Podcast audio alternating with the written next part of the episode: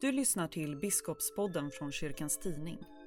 I podden möter vi några av landets biskopar i samtal om deras tro och liv. I det första avsnittet får du möta Esbjörn Hagberg, biskop i Karlstad stift. Han berättar hur en frågeställning på en gammal arbetsplats fick en stark påverkan på honom och hans livsval. Frågan om du fick leva om ditt liv, vad skulle du göra då? Esbjörn Hagberg berättar också när han fick veta att han var adopterad och om den kanske värsta sorgen en förälder kan uppleva. Samtalet leds av Barbro Matsols. Då vill jag börja, Esbjörn Hagberg, biskop i Karlstad, med att eh, säga att vi är väldigt glada över att du finns med i det här samtalet. Och du står ju nu inför din sista period som Mm. biskop. Och i augusti lägger du ner biskopsstaven. Mm. Vad jag förstår ska du flytta till Enköping. Ja. Och ägna dig åt dina drömmar, har jag Ja. läst. Ja, just det. Ja, kanske Ja. att du kommer att skriva. ja, inte bara kanske. Du ska skriva. Ja, det är ju, ska jag ägna mig åt mina drömmar, då Ja. är det att skriva. Vad blir det för något? Ja, det får vi se. Ja, Ja, du det- vill inte berätta? Ja, alltså jag, jag har ju ett antal bokprojekt som jag egentligen redan hade tänkt skriva, men, men eh, som livet har varit och allt arbete som är så, så har jag inte hunnit, utan jag har material som, som ligger och väntar och jag har idéer. Och sen vet jag inte riktigt vad det fullt ut blir. Nej. Eh, Det finns inte ett färdigt koncept, utan det finns ett antal idéer och det finns material och så kan jag använda det på lite olika sätt. Ja. Så vi får se. Ja. Men, men det blir skriveriet. Ja, och det kom, ja, det kom, ja precis. Ja, Ja. Det, det känns väldigt roligt att kunna få ägna mig åt. Jag tycker det är väldigt roligt att ägna mig, Ja. mig åt att skriva. Ja, Så att eh, det ser jag verkligen fram emot att få tid att göra. Mm. Och 41 år har du nu varit i Svenska kyrkans tjänst. Ja, det stämmer 41 bra. Jag eh, var 24 år när jag prästvigdes. Ja. Var det självklart för dig att bli präst? Har, du, har du tron med dig hemifrån eller hur ser Mm. den här resan ut? Jag har vuxit upp i ett, i ett hem eh, där, där eh, det fanns ett engagemang för kyrkan. Min mamma kom från södra Dalsland med den traditionen med sig. Eh, Och eh, hon hade en bror som var präst. Och så. Min, min far var uppvuxen i, i bruksmiljö i Västmanland men, men det fanns en kristen tro med. Så att, och de var kyrkvärdar och med i, i syförening och med i, i, i olika engagemang i kyrkan. Så att det fanns med. Vi, Ja. Jag är van att från, som barn sitta i kyrkbänken. Mm. Sen eh, efter konfirmationen så kom tankarna kring att eh, möjligen arbeta i kyrkan och eh, eh som 16-åring flyttade jag hemifrån till Fjällstedtska och gick på Fjällstedtska och, och eh, med kanske tanken att bli präst. Men sen kom också en tonårsrevolt och, och jag lämnade det som hade med kyrkan att göra och eh, lämnade också tron. Så att när jag var färdig med gymnasiet så började jag läsa juridik för att bli advokat. Och det var ju spännande att läsa juridik i slutet på 60-talet, början på 70-talet. Med Mm. Hela det politiska engagemanget som fanns. Jag har alltid Mm. varit poli ja, politiskt och samhällsengagerad. Mm, Så att, mm. eh, det var oerhört spännande.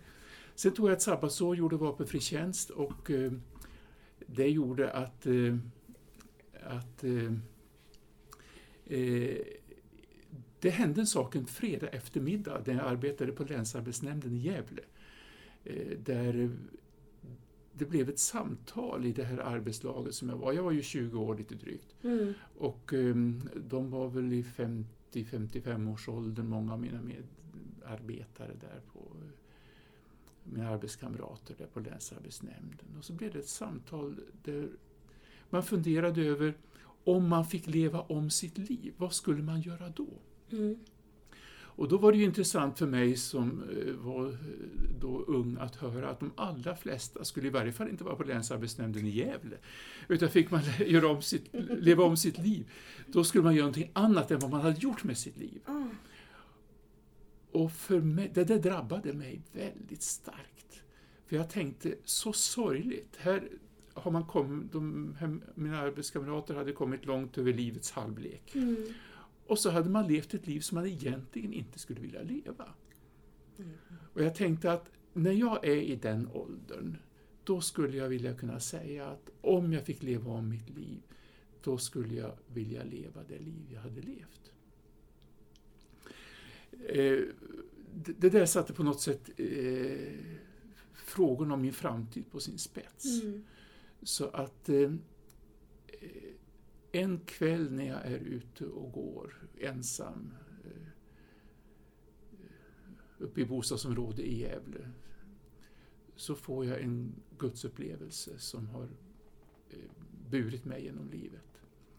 Eh, det var som ett fönster öppnades mot en annan verklighet. Det kanske tog en hundradels sekund, det kanske tog en sekund, det kanske tog en minut, det kanske tog fem minuter, jag vet inte. Men den upplevelsen förändrade så att när jag sen återvände till Uppsala så hade jag bestämt mig för att avsluta mina juridiska studier och börja läsa teologi. För att pröva. Ble, Ja. Blev du skakad? Blev du rädd? Nej, jag blev inte rädd. eh, Utan, eh, eh, alltså det var en fantastisk upplevelse av på något sätt hur allt i tillvaron hänger ihop. Det var en skönhetsupplevelse. Som är väldigt svår att ge ord åt. Mm. alltså För att varje försök att ge ord åt det förminskar det på Mm. något sätt. Så att, eh, men det var genomgripande. Alltså efter den stunden har jag aldrig betvivlat att Gud finns. Sen har jag betvivlat på väldigt mycket. Jag har tvivlat på kyrkan och jag har tvivlat på kallelse och jag har tvivlat på mig själv och min egen duglighet. Mm. Men aldrig tvivlat på, på, på Gud och att det finns en dimension i tillvaron som, som håller ihop den här tillvaron. Mm. Så genomgripande blev den här upplevelsen. Har, har- det eh, ökat din trygghet inför livet också? N- när- när man är med om en sån, kan jag säga, omstörtande upplevelse. Att det händer ju någonting med en i djupet. Ja, det, det gör det. Men den har inte, för mig har aldrig haft med trygghet att göra egentligen. För att eh, Gud har aldrig varit en trygghet för mig, snarare en oro. Eh, livet har gett mig ett antal otryggheter. Så Mm. att jag har nog fått brottas väldigt mycket med, med otrygghet. Och där har tron aldrig varit det som på något sätt har varit en försäkring mot den Nej. otryggheten. Mm. Utan, men den har alltid funnits där som man kan säga en, en, som en relation, Mm. som, som en, ett förhållningssätt, att, ett sätt att se på livet, ett sätt att värdera ut eh, det som är, är livet och ett Mm. sätt att tänka kring vad är viktigt i livet. Och, Mm. Så att, eh, som en grund, men även på en grund så kan man brottas med väldigt många olika Ja, saker. ja, och Mm. den kan ju vara lite sprickig. Ja, ja, ja, ja, visst. Mm, Ja. Mm, mm. Nej, så att eh, när människor talar om, om tron som trygghet, då, kan jag, då har jag aldrig riktigt kunnat känna igen mig i det. Snarare tycker jag att Gud är ganska besvärlig med att göra. Mm, mm. Eh, utmanande på många sätt. Tvingas till, tvingar till ställningstaganden som inte är alltid så behagliga att Mm. göra. Men, så att, eh, men som sagt, det, det blev ett, en, en avgö, ett avgörande tillfälle i livet. Ja. Mm. Och så tillbaka till Uppsala och så var det raka spåret sen då in i... Ja, sen gick det fort. Ja. Eh, för att eh, jag läste väldigt snabbt igenom en, min teologiska utbildning. Mm. Och sen blev det prästvigning för Västerås stift. Ja. Mm. Var det någon pe- person under den här tiden som, som betydde mycket för Mm. dig då? Som, som för din tro och för din andliga utveckling? Eller, eller har, de, har de eller den personen kommit senare in i? Alltså jag tror att det är en person som betyder väldigt mycket för må- många av oss unga i Uppsala de här åren. Mm. Det var en som hette Figge Sidvall. Figge, ja. Mm. präst i Mikaelskyrkan, eh, som för mig kom att symbolisera väldigt mycket av det här att, eh, att, mm, att den utmanande tron. Mm. Eh, Vi var ju många som, som eh, gick på de gudstjänster som det var ju ungdomssamling kan man säga i relation till de gudstjänster som var på torsdagskvällarna i Mikaelskyrkan. Och, och hans ärlighet, hans, det fanns på något sätt en mänsklig brustenhet som han, han lät bli synlig i sig själv och i sitt liv som, som berörde på djupet tror jag, hos många också, också Mm. mig. Så eh, så, som en, en person som fanns med eh, kom han att betyda mycket. Mm. Sen har jag nog svårt att peka ut eh, det är många människor som, som, som präglar en under, under vägen på olika sätt eh, och som betyder olika mycket i olika tider. Mm. Men annars är jag nog svårt att ge, kanske ge namn åt, åt, åt många. Ja, men det, det räcker så. Jag vet många med dig som, som, Mm. som eh, har talat så varmt om Fige. Ja, Mm, mm, mm, Han mm. betydde mycket för många. ja. Mm, mm. Och studenter. Och ja visst, och, och just att få möta så många ungdomar i en överfylld kyrka gav, ju, Mm, gav ju väldigt mycket inspiration Ja. att kunna finnas i denna kyrka. mm, mm. Och, och att man vill vara i det sammanhanget. Ja, ja, visst. Ja, precis. än att sitta två, tre stycken. Jo men visst, Ja, ja, ja mm. men det var ju tacksamt. Eh, Mm, mm, mm. man kan se hur många, och många idag som, som, som får fira gudstjänst i väldigt små sammanhang och, Mm. och kanske inte alltid till, tillsammans med de som är i ens egen ålder så Nej. var det naturligtvis en otrolig förmån att Mm. få ha alla dessa ungdomar med det, allt det engagemanget, det kristna engagemanget, det sociala engagemanget som, som fanns. Mm, mm, mm. Och, och klart, det har präglat mig mycket tror jag. Ja, ja. Och så raketfart genom, genom studierna och så, så, så skulle du då bli präst när du Ja. var prästvigdas när du var 25 år. Mm. Och då var du en vuxen ung man. Ja. Och då fick du veta att du var adopterad. ja, det stämmer. Det, var- Hur ehm, gick det till? Berätta. Ja, alltså jag eh, hade ju vuxit upp i, i, i ett väldigt fin, fantastiskt fint hem. Jag har fått en oerhörd grund som människa att stå på. Eh, och sen så kom ju den där dagen när, när, när mina föräldrar visste att jag skulle få tillgång till mina egna papper. Det, som präst skulle kunna se min, eh, mina egna, min, egen pers, min egen personakt. Mm. Och där står det ju att jag är adopterad.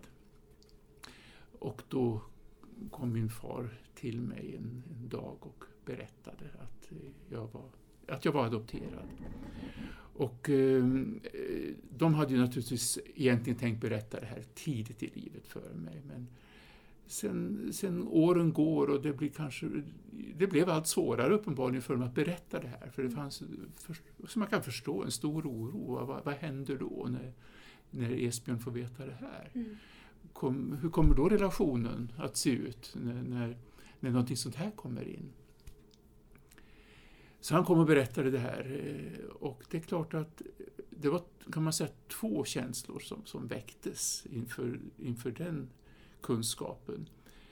Den ena känslan var att det var väl det där jag visste. Hade du känt det på dig? Ja, att jag, alltså jag hade tänkt de där tankarna. Det hade alltså jag tror att som, som barn är man oerhört känslig om det finns någonting som är som en hemlighet. Mm. Så man anar att det finns vissa områden som man måste tassa omkring. Eh, nu visste jag väl i och för sig att, att, det, att det där tanken att man kanske inte var sina föräldrars barn inte är helt ovanlig att man tänker i, i ungdomsår Mm. utan fantiserar kring olika saker. Så att eh, jag hade väl tänkt att ja, det kanske är det. Men, men här fick jag en bekräftelse på någonting som jag hade känt och anat. Så att det var den ena känslan. Och så var Mm. naturligtvis den andra känslan av att nu, nu ställdes väldigt mycket på sin... Mm. Eh, det blev en annan verklighet jag hade att förhålla mig till. Mm. Att, att mina föräldrar var inte mina biologiska föräldrar, jag hade andra föräldrar eh, som eh, inte hade kunnat ta hand om mig eh, när jag föddes.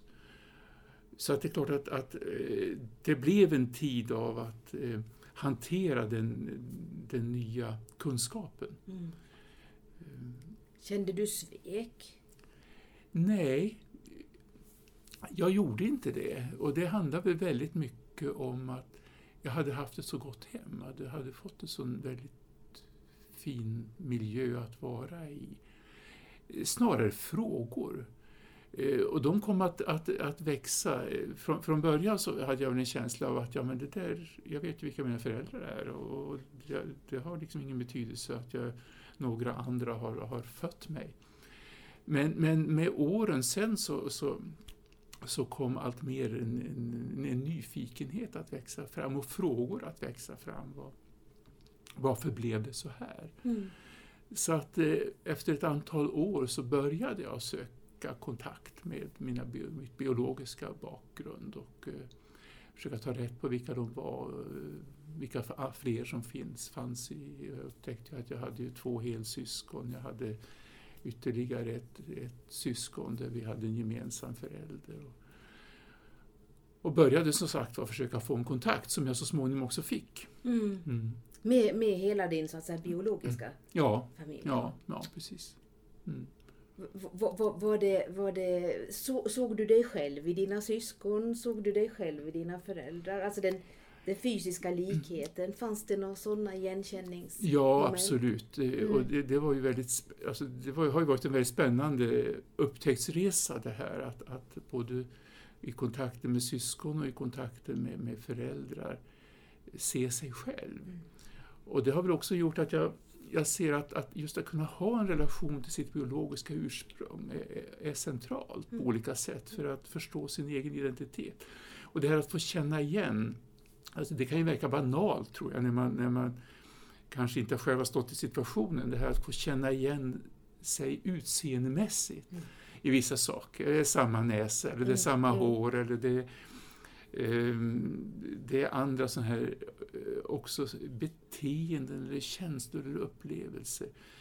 Att få, få sitta med ett syskon som man inte har vuxit upp tillsammans med och se att, ja men tänk att vi är lika, att det är samma. Vi, vi känner ungefär på samma sätt inför vissa saker och vi, är, vi reagerar på samma sätt eller vi har samma intressen på vissa områden. Och så inser man att det är klart att uppväxt har en stor betydelse och formar, formar oss på olika betydelser, men, men också att upptäcka att, att det här med att ha ett, ett eh, genetisk eh, relation till varandra får också konsekvenser där vi kan känna en samhörighet som, som har blivit viktig på väldigt många olika sätt. Mm. Mm. Fantastiskt. Har ni hållit kontakten sen också? Ja visst, Ja. och den har ju fördjupats Ja. med, med, med, med åren. Jag kan väl säga att ett, ett av mina syskon är den, all- min allra närmaste vän. Eh, Eller familjens, hennes familj är våra allra närmaste vänner. Så att, och sen har det varit förstås också väldigt viktigt att få, få höra det där. Vad var det som gjorde att det blev så här? Mm. Mm. Vad var det som, som gjorde att man i den livssituation... Alltså mina föräldrar har ju hållit ihop hela livet. Mm. Eh, dina biologiska? Mina biologiska föräldrar har ju hållit ihop hela livet. Och, eh, eh, vad var det som då gjorde att, att man inte hade den här möjligheten att, att få höra den berättelsen? Var du äldst i syskonskaran du? Du? Eller hade du? Ja, jag var, jag var äldst i den, i Ja. den relationen. Ja, ja. Sen har jag ett, ett äldre syskon där vi har en av Ja, gemensam förälder. Ja, ja. Men, men eh, annars var jag äldst, ja. Och så har jag en bror som är precis två år, på dagen två år yngre än mig. Oj. Ja, och så Ja, har jag ja. ytterligare ett syskon. Ja. i den. Sen har jag ju också vuxit upp tillsammans med ett syskon som Mm. också är adopterad. Mm, mm, mm. Ja, Vilken riktigt stor familj Ja visst, det är ju fantastiskt. Ja. Och så får man upptäcka lite grann av vilka, eh, vilka finns i den där familjeskaran. Så Mm. det är också en upptäcktsresa. Mm, mm. Det är ju en fantastisk berättelse och erfarenhet som du, du delar med dig här och att den inte känns så sårig. Eh, utan att... Eh, Nej, och det är ju, jag är väldigt tacksam att, att jag, har aldrig, jag har aldrig känt inna- inför mina biologiska föräldrar att, att eh, ett behov av någon form av uppgörelse eller ett behov av att kräva någon form av förlåtelse för, för det som blev. Mm. Utan, utan eh, jag kan förstå att i den livssituation de stod, eh, det här var, först, det var 1950. mm, Eh, det fanns inte de abortmöjligheter som då fanns och då Mm. var det ju så att när man inte såg att man hade möjlighet att ta hand om ett barn, då adopterade man bort ett barn. mm. Alltså jag är ju oerhört tacksam för livet. Du fick leva. Jag har fått leva. Mm. Eh, jag inser ju att, att jag hade eh, jag blivit till av föräldrar som hade levt 20 år senare, då hade jag ju inte funnits. Eh, Därför att då fanns det möjligheter, när man inte hade möjlighet att ta, ta emot ett barn, då aborterade man ett Mm. barn. Mm.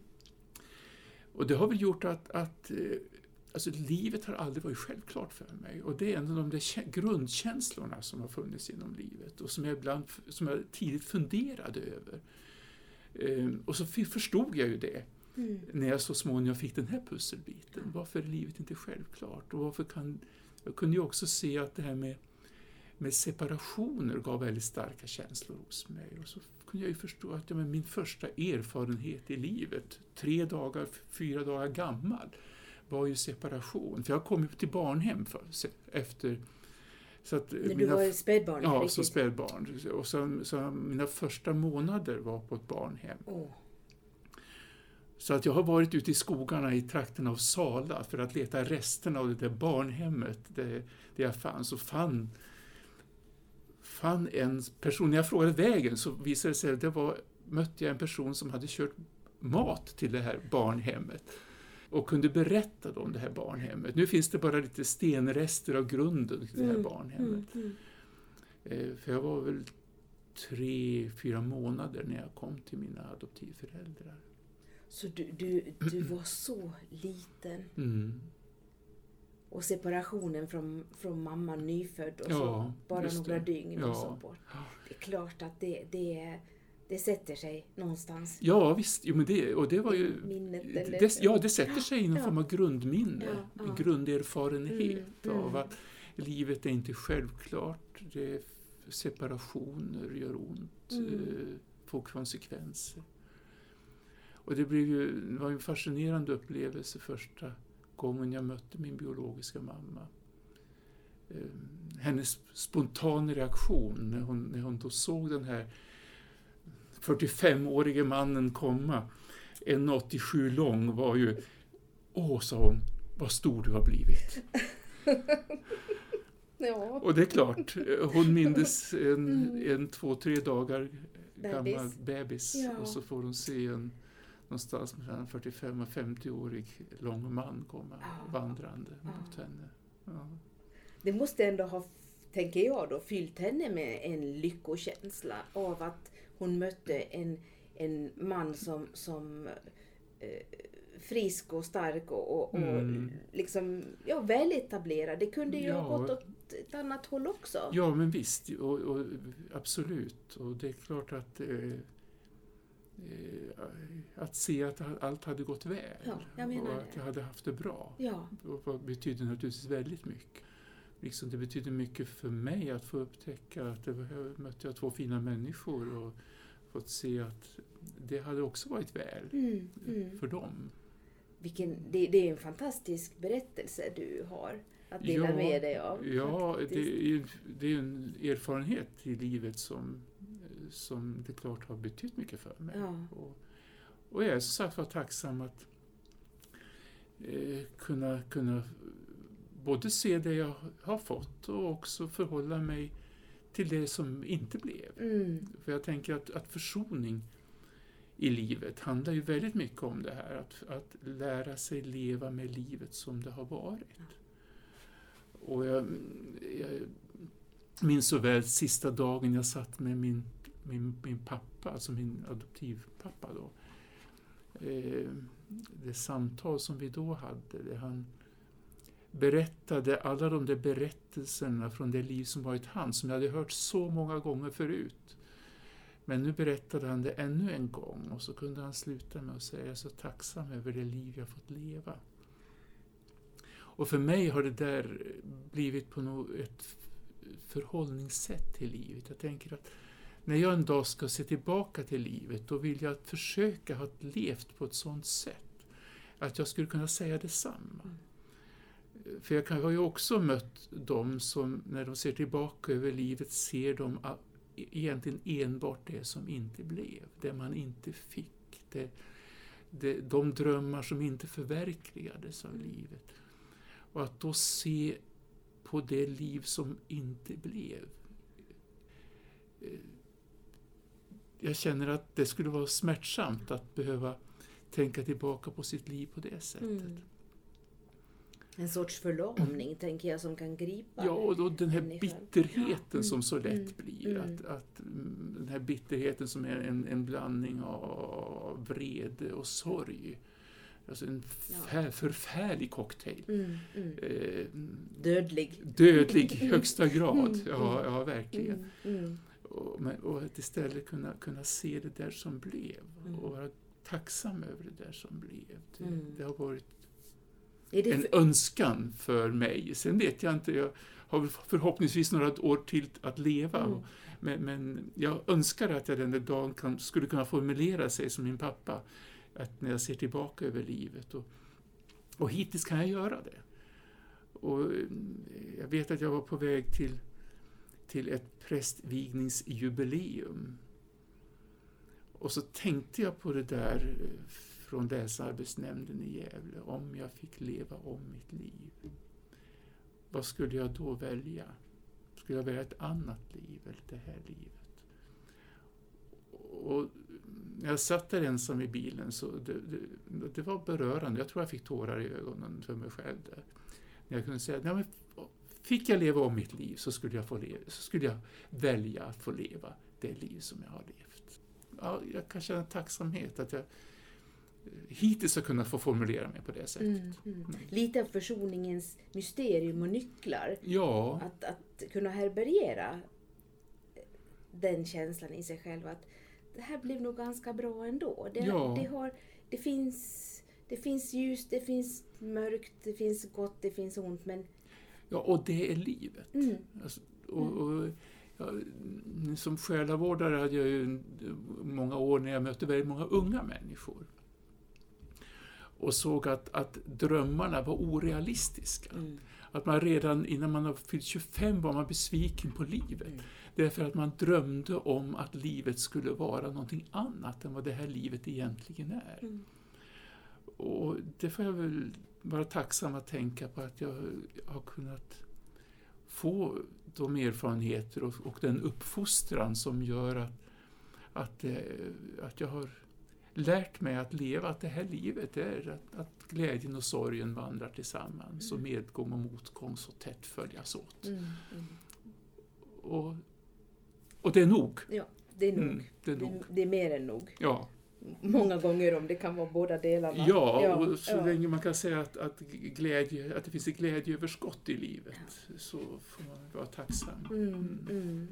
Och så, som själavårdare så, du berättade ju det själv, du har ju jobbat väldigt, eller jobbat, det är en, det är en grundmurad Ja, jag Sak arbetar lite. mycket med Ja, själavård. ja, jag jag, har ju har undervisat i det och ja, jag har eh, skrivit om det. skrivit om Mm, det och jag mm. har innan dess också ägnat mig mycket åt det. Så Ja. att det, det, det blev så. Ja, Att eh, min, min prästvardag uppfylldes mer och mer av att människor sökte mig för själavård. mm, Och, och, ja, och sen försökte jag utbilda mig ytterligare i det och engagerade mig i det. Och, och sett att, att det har fått vara en, en viktig del av, av mitt arbets, mm ett Har du- arbetsliv. Har, har du själv eh, eh, arbetat med din egen själavård? Eh, Jag, jag, jag har Ja. hört så många präster som säger att de hinner inte eller de, de tappar det där. Ja, men det har ju varit en viktig del, att, Mm. att också själv gå i samtal Ja. och ha handledning och på Mm. annat sätt.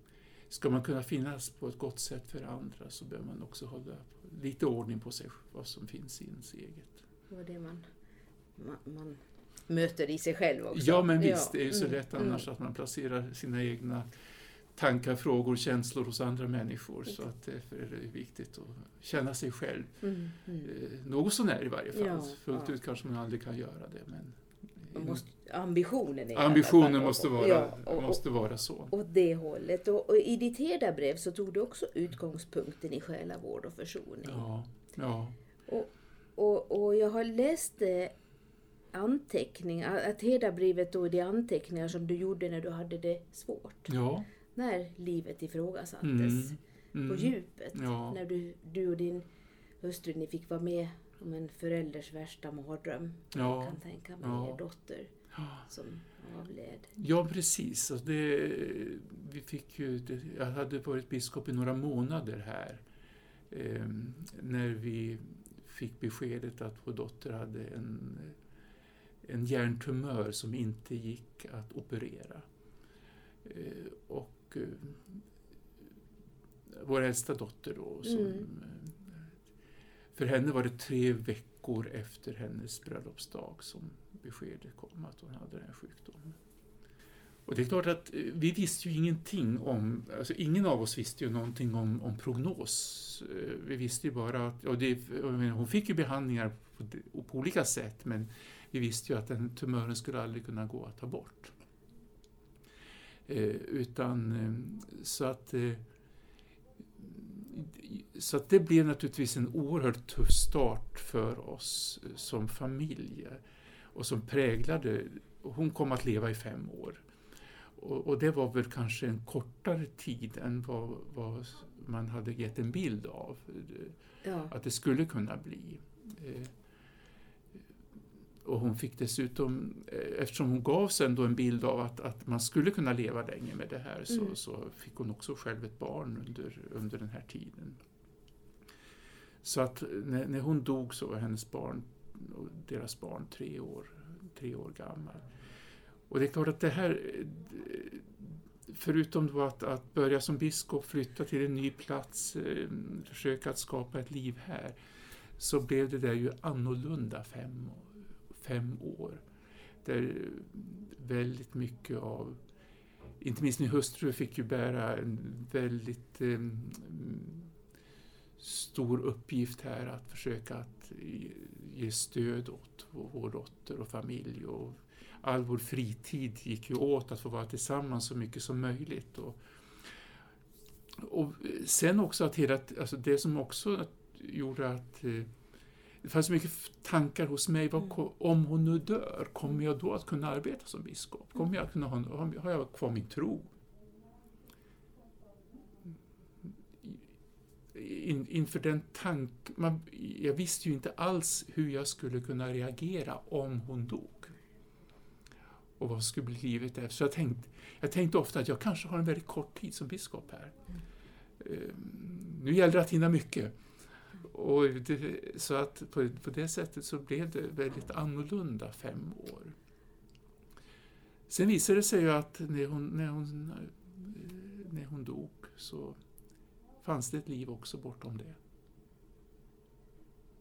Det måste ju ha varit förfärligt arbetsamt på alla håll och kanter. Alltså, så djupt in i hjärtat som man kan komma. Och samtidigt tänker jag, som du säger också, din, blev du aldrig arg på Gud? Alltså, du präst, biskop, riktade, vad riktade du din, din, din ångest, din vrede? För det, det är ju ett sammelsurium av känslor när man, ja. är, när man är så här Ja, nej, alltså jag har aldrig haft ett behov av att vara arg på Gud, därför att jag vet att livet är så här. Eh, jag, jag kan, man kan ju känna förtvivlan inför livet, att livet är så här. Man kan, kan ju känna förtvivlan, jag kunde känna förtvivlan inför ja, livets förutsättningar. Men, men eh, jag har ju haft jag har haft, mött tillräckligt mycket människor genom livet som fått uppleva samma sak. Och, och, och, så att det är ju ingen nyhet för mig att, att, att livet kan vara så här. Och, och jag kunde väl också ibland tänka, varför, varför inte jag? Jag har ju sett andra människor drabbas. Vad är det som säger att, att jag eller vi som familj skulle vara förskonade från det som andra människor kunde, kan få uppleva i sitt liv? Um, så att uh, jag visste att det var livets förutsättningar. Mm. Eh, och som sagt var, man kan ju känna förtvivlan snarare än en ilska inför livets förutsättningar. Och en sorg över att livet är så, så, så skört som det är. Och, och att man ska behöva uppleva, att människor ska behöva uppleva det som tillhör livets smärta och sorger meningslöshet? Eller? Ja, meningslöshet, ja, ja visst. Alltså, och det är ju för mig väldigt viktigt. Alltså, det, jag möter ju många som säger att allt har en mening, och det tror jag inte alls.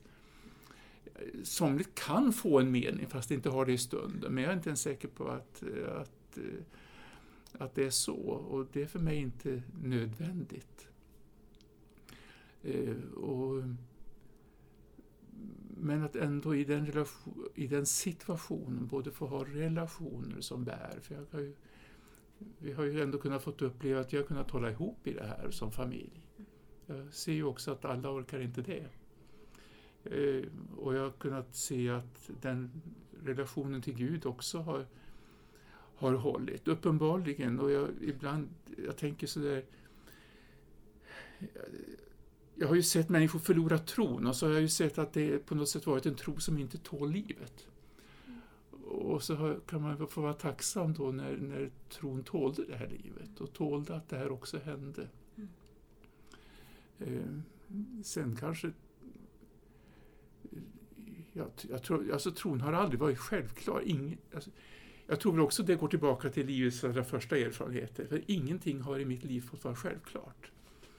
Eh, jag har aldrig tänkt att imorgon kommer jag att ha en tro. Det vet jag inte. Jag har aldrig trott, när jag haft min senaste predikan, att jag kommer att vara självklart att jag kommer att kunna predika nästa söndag. Utan jag har alltid levt med den här känslan av att, att aldrig vara riktigt säker på hur livet kommer att bli. Och på ett sätt kan den här osäkerheten vara en hjälp, därför att det, jag blir inte överraskad när livet eh, förser mig med andra erfarenheter än de som jag kanske själv eh, tänker att så där ska det vara imorgon. Att leva, leva i det osäkra? Att leva i det osäkra och, och utan att det ska eh, vara en skräck. Mm. För det upplever jag inte att det är. Utan, eh, och det, har, det, skulle kunna, det skulle kunna göra mig handlingsförlamad. Mm. Men det har det aldrig behövt göra. Utan det har varit på något sätt ett del av ett äventyr. Mm. Jag har aldrig behövt klättra i berg. Jag har aldrig behövt hoppa fallskärm. Jag har tyckt att livet förse mig med alla de utmaningar som, som är fullt tillräckliga för att mm. jag ska behöva utsätta mig för, för andra än de som, de som bara ges mig, mm, mm, på gott och ont. Mm, mm det är tillräckligt. Ja, fullständigt ja, tillräckligt. Ja, ja. Hur, hur hittade du till, tillbaka till glädjen då? Eh, efter den här mardrömmen, det här, de här mm. åren, det här oerhörda smärtan och sorgen som ja. det måste ha varit också. Hur, hur, så in, hur, hur hittar man glädjen? Var, var... Ja, alltså det är nog olika slags glädje. Mm. Alltså, vi kunde väl uppleva att eh, alltså, det kommer alltid att finnas en sorg. Mm. Det finns saker vi aldrig kommer att kunna skratta åt mer. Alltså, jag stänger av alla de här TV-programmen där det finns skrattmaskiner med. Jag ser att eh, det finns, där andra skrattar bredvid mig så ser jag att det finns saker och ting där jag, aldrig, där jag inte kan skratta. Och vi ser det också, eh, min hustru och jag. Att det, det, finns en, en, en, eh, det finns en glädjedimension i livet som har tagits ifrån oss. Mm.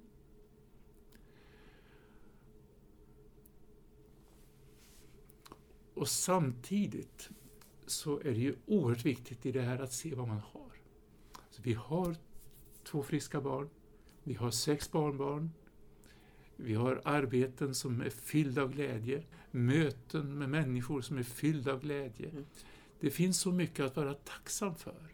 Och det är allt det där som jag tänker ger glädjen tillbaka. Och det, det kan ju vara små, små steg det där. Tänker jag. Och, och när man har drabbats av svår sorg, förlust, mm. så är ju, det är min erfarenhet, så, mm. så har ju man, det, det, är ju ett, ett sår. Ja. Och, och, med tiden så blir det lite, det läker. Mm. Men, men det är väldigt lätt att det där lilla såret, eller stora såret, går upp emellanåt. Mm. mm. Saker som påminner om mm. när man har förlorat. Mm. Så. Så att eh, det där är väl... Eh, alltså jag tror att alltså på ett sätt går sorg aldrig mm. över, men det blir annorlunda. Och den, eh, man förhåller sig annorlunda till det. Och, och eh, eh, man kan se saker och ting på nya sätt. Jag minns när jag hade förlorat min mamma.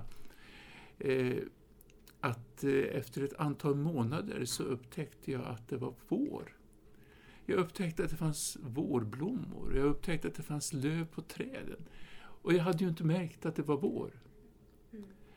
Mm. Plötsligt kunde jag alltså efter ett tag se andra saker än vad jag hade kunnat se. Mm. Och så tänker jag att det mycket är. Att, mm. att, att det förändras. Så att man kanske kan ta andra saker går att ta in på ett sätt som inte är möjligt att ta in i själva den akuta sorgsituationen. Då har man nog med allt det där som Mm. händer och Mm. med sig själv och med, med eh, det, det uppfyller en så mycket att det inte finns plats för så mycket mer.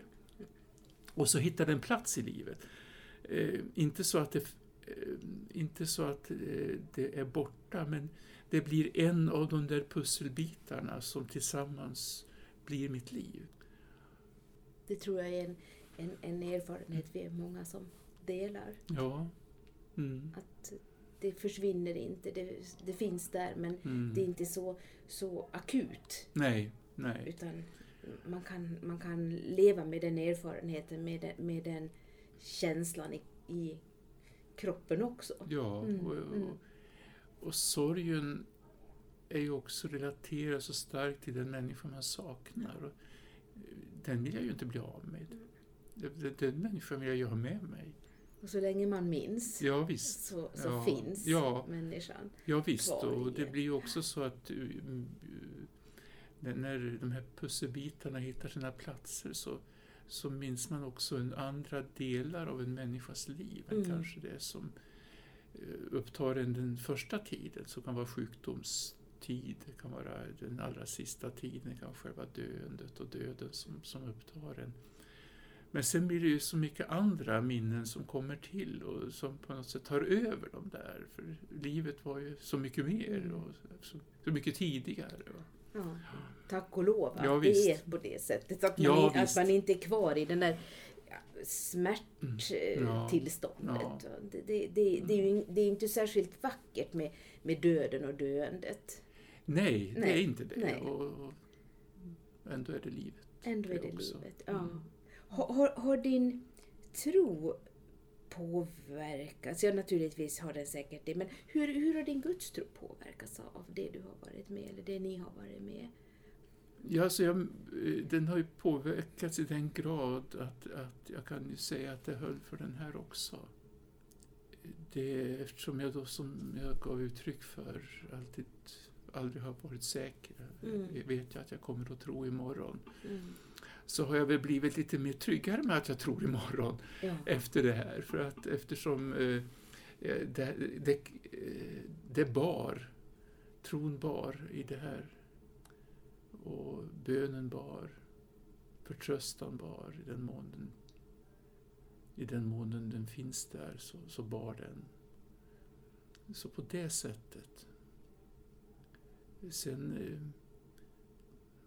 tror jag ju att livet har försett mig också redan innan med så mycket av olika saker som inte minst delandet av andra människors erfarenheter. Att tanken på att Gud är större än alla mina bilder av Gud. Och, och mm, det, det fanns nog redan där. Mm. Mm. Och Mm. kanske möjligen förstärkts ytterligare. Mm. Alltså Gud som obegriplig. Men samtidigt så, så nära. Mm. Och i min tradition som jag har med mig har ju Jesus varit en väldigt central eh, alltså relationen till Jesus och det Jesus har gjort i, för oss, med oss, mina, mina egna personliga Jesuserfarenheter. De, de finns där och har varit bärande. Tankarna på livet efter döden då? Hur ser de ut hos dig? Ja, de aktualiseras tror jag, kanske särskilt just nu. Jag märker att jag inför att avsluta så, så blir det ett, ska jag avsluta mitt yrkesliv så, så märker jag att jag tänker nog en hel del kring, kring min egen död nu också. Eh, och ehm, alltså jag, jag har väldigt lite av, av särskilda bilder för vad det kommer att vara. Det finns en psalm som lyder vid tomhetens och intets gräns. En röst mig nåd är en väns. Du kommit hem den säger. Och såren läks och sången föds. Vad djupast i mitt liv jag sökt och längtat till jag äger. Och där hittar jag någonting som, som berör mig när jag, när, jag, när jag tar de där orden i min mun. Ehm, men jag vet att eh, ibland eh, när vi ska ge oss ut på en resa så märker jag att eh, reskamraterna gärna tänker att så där kommer det att bli när vi kommer dit. Och jag, eh, det kanske är någon brist i fantasin än vad det är, men jag, jag, jag, jag tänker aldrig så. Alltså jag kan inte riktigt för, göra de där bilderna för att för jag säger att ja, men jag får se. Det, när jag kommer dit så får jag se hur det kommer att se ut. Mm, mm. Och jag tror att jag har ungefär samma förhållningssätt till, till döden. Mer en känsla av det här att, att där kommer jag att möta det som har att göra med min längtan. Där kommer jag att möta det som jag har, har försökt att ge uttryck för. Alltså en kärleksrelation kommer att finnas där. Jag skulle ju önska att jag fick möta de människor jag saknar. Men jag får se. Och ehm, just nu så får det mer vara det där att ja, jag vet inte om, det, om svaren kommer, jag är inte så noga heller om det, alla svar kommer på, på, på livets frågor, utan mer det där att vara nära i en kärlek. Mm. Det är mer än nog då? Ja, jag. det får vara säkert mycket mer än nog. Mm, mm. Och jag anar väl att det kommer att överträffa alla bilder som man möjligen kan skapa här i livet. Ja, jag tänker Mm. det. Du, du, du, vi börjar ju vårt samtal med den, den erfarenhet Ja. du fick när, Mm, när, du, mm. när du lämnade Gävle. Ja, just det. Ja. och, och, och, och att, att ha fått le, levt också med den Mm, eh, mm, erfarenheten Mm. i livet så får man se vad nästa ja. blir. Mm. Det, det kan vara stort nog. Håller du på att packa ihop nu? Av, Jag håller på, ja, både, dels märker jag att jag mentalt sysslar mycket med det. Sen, mitt arbete ger mig inte så mycket förutsättningar Nej. för att, att avrunda, Mm. alltså, avrunda i någon mån. Jag får ju avsluta vissa saker, men, men det är ändå ett livstempo som gör att jag, jag måste ha, vara aktiv och engagerad ända fram till slutet. ja. mm. Och, och det har jag inte svårt att vara. Jag tycker saker och ting alltid är roliga. Så att, eh, det är inte alls, sen, sen mentalt märker jag att jag sysslar mycket med det här att, att avsluta. Mm. Och eh, rent praktiskt så eh, håller jag på och kastar mycket. Mm. Och det som jag håller på att gå igenom bokhyllorna.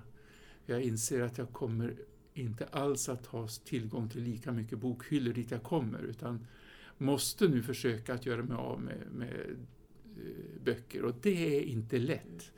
Men jag tar det i portioner. Ger du bort? Ja, det gör jag och eh, det jag tror att någon annan vill ha kastar jag. Ja, ja, ja. För att, ehm, och som sagt var, vi, vi, vi kommer att, från att ha bott på nära 800 kvadratmeter så ska vi bo på 130 kvadratmeter. Och, och vi vill inte att vårt hem ska vara ett möbelupplag. Nej. Utan eh, nu gäller det att eh, rensa hårt och så eh, bara ta det som känns allra bäst att ta med sig.